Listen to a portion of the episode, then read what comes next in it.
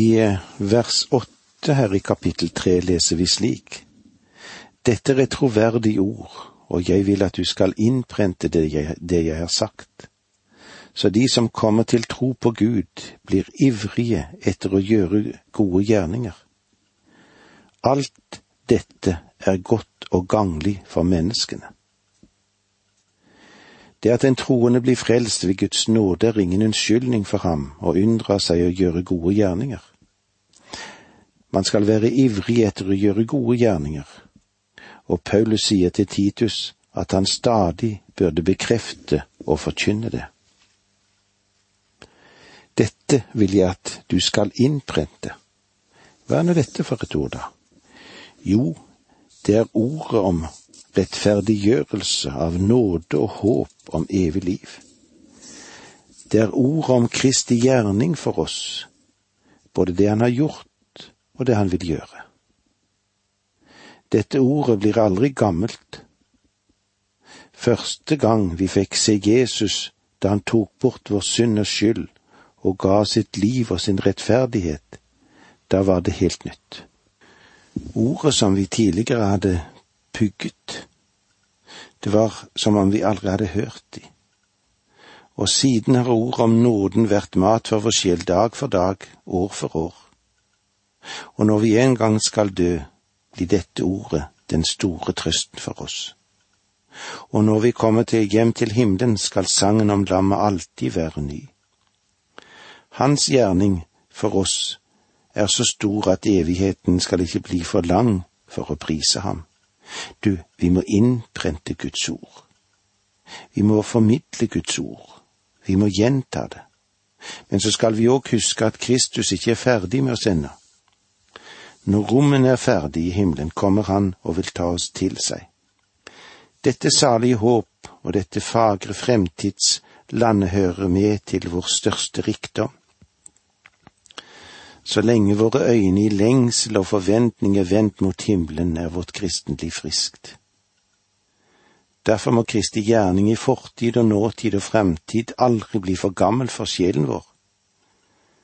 Apostelen ville at Titus skulle prente ordet i denne store frelse. Han ba om at det må innprente i sjelene så det dag for dag, i hjerte og munn, kunne få del i dette. Og dette trenger vi huske på. Vi lever i en tid som jager etter noe nytt og sensasjonelt. Dette nye vil snart bli for gammelt, men Kristus og hans frelse, den er evig ny. I dag får jeg ny nåde, jeg får ny kraft, jeg får nytt håp.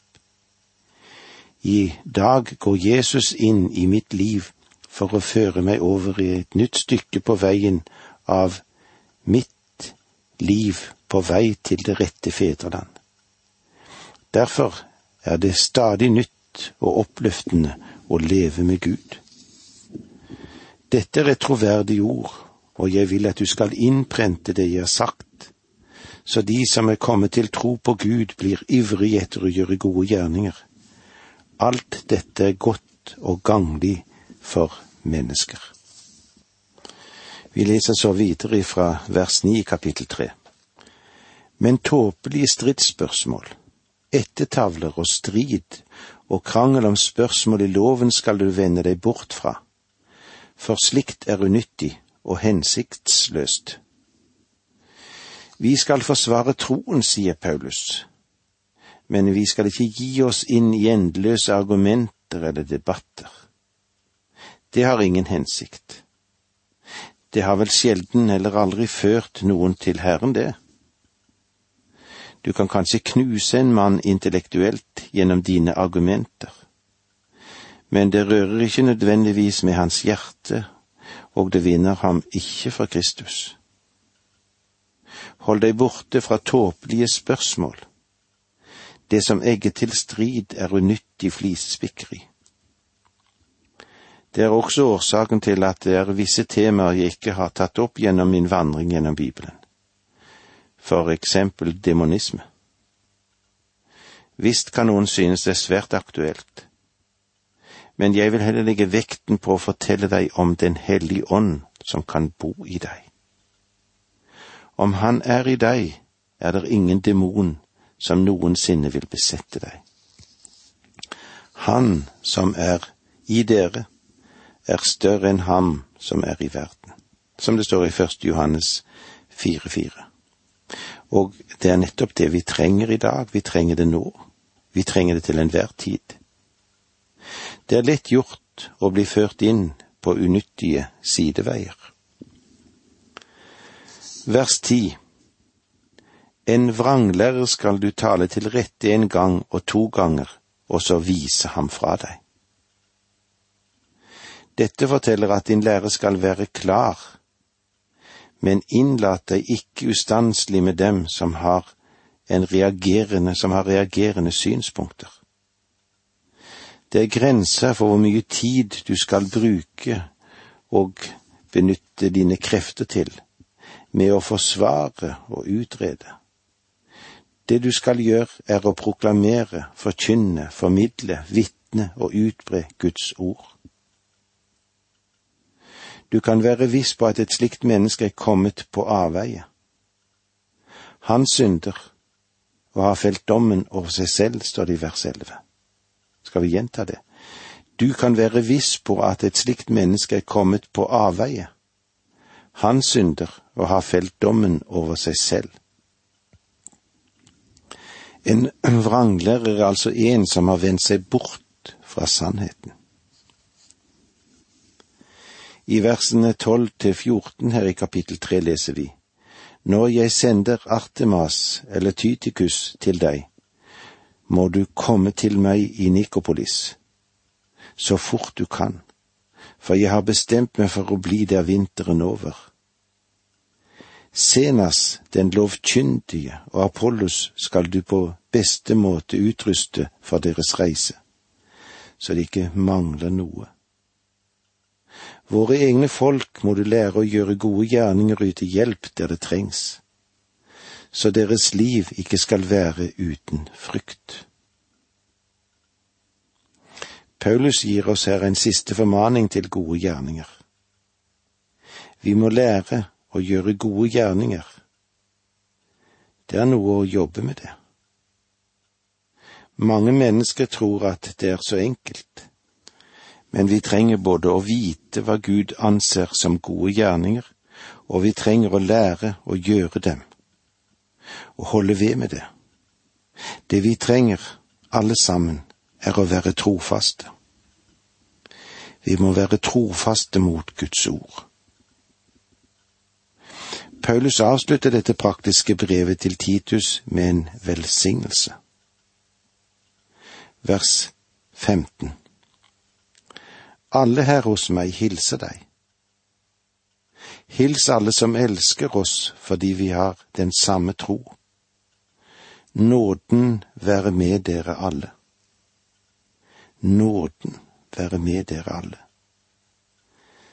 Vi takker deg, himmelske Far, fordi du har åpenbart deg på en så forunderlig måte når vi har gått igjennom brevet til Titus. Må du hjelpe oss slik at vi både har myndighet og kraft og vilje og styrke til å formidle ditt budskap til nåtidens mennesker, slik at vi en dag kan stå for din trone og takke for frelsen som blir oss og andre til del. Må du være med oss videre på livsvandringen. Det ber vi om i ditt gode og dyrebare navn. Amen. Dette undervisningsprogrammet består av to deler. Åge Nevland fortsetter nå med andre del av dagens undervisning. Vi er nå kommet til brevet som Paulus skrev til Filemon. Det er et lite brev, men det er godt at vi kan få lov å ta det òg med oss. Og det er viktig å stoppe opp for det Gud har å si oss gjennom dette lille brevet som Paulus skrev til sin gode venn Filemon. Hvis vi setter som overskrift på dette, så kan vi òg dele det inn i seks punkter. Den vennlige hilsen til Filemon og hans familie i versene én til tre. Og så har vi Filemons gode rykte som vi finner i versene fire til syv. Bønn om nåde for Onesimus, versene åtte til 16 Den uskyldige går inn for den skyldige, vers 17. Vakkert bilde på skyldighet, vers 18. Personlige og generelle saker og forespørsel fra vers 19 til 25. Filemon, ja. Dette er et av, de sterkeste brevene i Skriften. Det er bare et kapittel. Enkelte kan ha vanskeligheter med å finne dette lille brevet. Men finner du først Titus brev, så er det bare å fortsette noen blader til. Er du kommet til hebreerbrevet, ja, da har du kommet litt for langt. Forfatteren av dette brevet er Paulus, og han regner med at brevet ble skrevet år 61 eller 62 etter Kristus. Epistlene, eller brevene i Det nye testamentet, har en ny form for åpenbaring. Før det hadde Gud brukt lov, historie, poesi, profeti og evangelieformen. Når Gud lot bruke brevformen, så kom det til anvending en mer personlig og direkte metode i hans åpenbaring. Og så er det forskjellige typer epistler, da. Noen ble skrevet til menigheter, andre skrevet direkte til enkeltmennesker, og de er svært så personlige. Ærlig talt tror jeg ikke Paulus hadde noen idé om at hans brev til Filemon ville bli inkludert i Skriftens kanonsamling, og han ville kanskje ha blitt litt personlig berørt om han hadde vært klar over at dette ville skje. Det å lese dette brevet er som å titte Filemon over skulderen og lese hans personlige korrespondanse. Paulus skrev dette brevet til ham personlig det ødelegger ikke verken inspirasjonen av eller verdien av dette brevet. Den hellige ånd har inkludert det i Skriftene av helt vesentlige og sikre årsaker. Bakgrunnen for dette brevet Bak dette brevet er det selvfølgelig en historie. Filemon, han levde i en by som hadde navnet Colosseum. Det var et godt stykke inn i det frygiske landskap i Anatolia, som er en del av dagens Tyrkia. Det er ingen by der i dag, bare ruiner. Men det var en stor by på Paulus sin tid. Et av Paulus sine hovedbrev, det blir skrevet til de troende i Colosseum. Bibelen forteller ikke om at Paulus besøkte Colosseum, men her er jo mange ting som vi ikke får forklart i Bibelen. Så det skulle ikke forundre noen av oss om Paulus hadde besøkt byen. Historien i dette brevet utspiller seg på slaveriets dystre bakgrunn. Det var omtrent 60 millioner slaver i det romerske imperium, der den totale befolkningen ikke oversteg 120 millioner. En slave var en gjenstand, noe som tilhørte innbo i et hus. Han ble behandlet verre enn en fiende. Han ble utsatt for sin herres tilfeldige reaksjoner. I Kolosseum fantes da denne rike mannen som var kommet til frelsende tro på Kristus. Det virker som om han er kommet ned til Efesus, der Paulus oppholdt seg i to år og underviste i Tyrannus skole hver dag og mennesket kom langveis fra for å høre ham. Det var millioner mennesker i lille Asia, og Filemon var bare én av dem som lærte Jesus Kristus å kjenne. Denne Filemon, han eide slaver, og han hadde også en slave ved navn Onesimus. Onesimus tok sjansen en dag, noe mange slaver gjorde, og han klarte å rømme og han gjorde også det de fleste rømte slavene gjorde. De forsøkte å stikke seg vekk i de store byene. Denne slaven kom helt til Rom. I det store folkemylderet i denne verdensmetropolen så kunne han forsvinne og aldri bli gjenkjent. En dag fant denne mannen Onesimus ut at det var et slaveri i friheten, og det var frihet i slaveriet. Når han var en slave, behøvde han ikke bekymre seg over hvor han skulle sove eller hva han skulle ete. Det tok Hans Herre hånd om. Nå hadde han et virkelig problem her i Rom. Jeg kan bare tenke meg at han lengter tilbake, og så er han kanskje sulten. Han sulter. Jeg kan i fantasien se ham gå ned ad en av Roms gater en dag der han møter en gruppe mennesker som kranser seg rundt en mann. Onesimus trengte seg inn i denne gruppen, kom langt fram, og der så han en mann stå i lenker. Onesimus hadde flyktet fra sine lenker, og han trodde han var fri. Men når han lyttet til denne mannen, og denne mannen var Paulus, så tenkte han, denne mannen der er fri, og jeg er fremdeles en slave. En slave under mine lyster, en slave under en utbrent økonomi. Jeg er fremdeles en slave, men han, selv om han er lenket, er fri. Onesimus ventet til de andre hadde dratt sin vei, og så gikk han frem til Paulus. Han ønsket å vite mer om det Paulus hadde forkynt, og Paulus, han førte ham til Kristus. Det vil si at han presenterte evangeliet for ham, fortalte ham om hvordan Jesus var død for hans skyld, og hvordan han var blitt begravet, men sto opp fra de døde igjen tredje dag. Han ba Honesimus ta sin tilflukt til Kristus, og det gjorde han. Onesimus ble en ny skapning i Kristus Jesus. Deretter foretok Onesimus en vandring som, ethvert menneske gjør som er blitt omvendt. Han tenkte tilbake til sitt forgangne liv, de ting som var gale og de ting han ønsket å rette på. Han sa til Paulus, Paulus, det er noe jeg må bekjenne for deg. Jeg er en slave som har flyktet. Paulus spurte ham hvor han kom fra, og Onesimus fortalte Paulus at han kom fra Lille-Asia, fra byen Colosset. Paulus sa, Der er en menighet der. Hvem var din herre? Min herre var Filemon. Mener du Filemon som bor i Øvre Storgate? Ja. Men i all verden, han er jo også en av dem som jeg har fått lov til å føre til Kristus. Han skylder meg noe av den salighet han nå eier. Vel, Paulus, tror du jeg burde dra tilbake til ham igjen? Ja, det burde du gjøre, Onesimus, dra tilbake men du skal gjøre det ut fra en helt ny livssituasjon.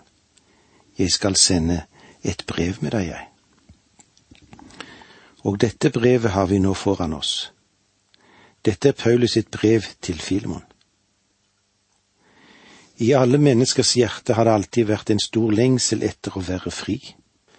Men eh, mens jeg nå sitter her og du lytter til meg, så taler det òg om titusen og atter titusener av nordmenn som er slaver under et eller annet.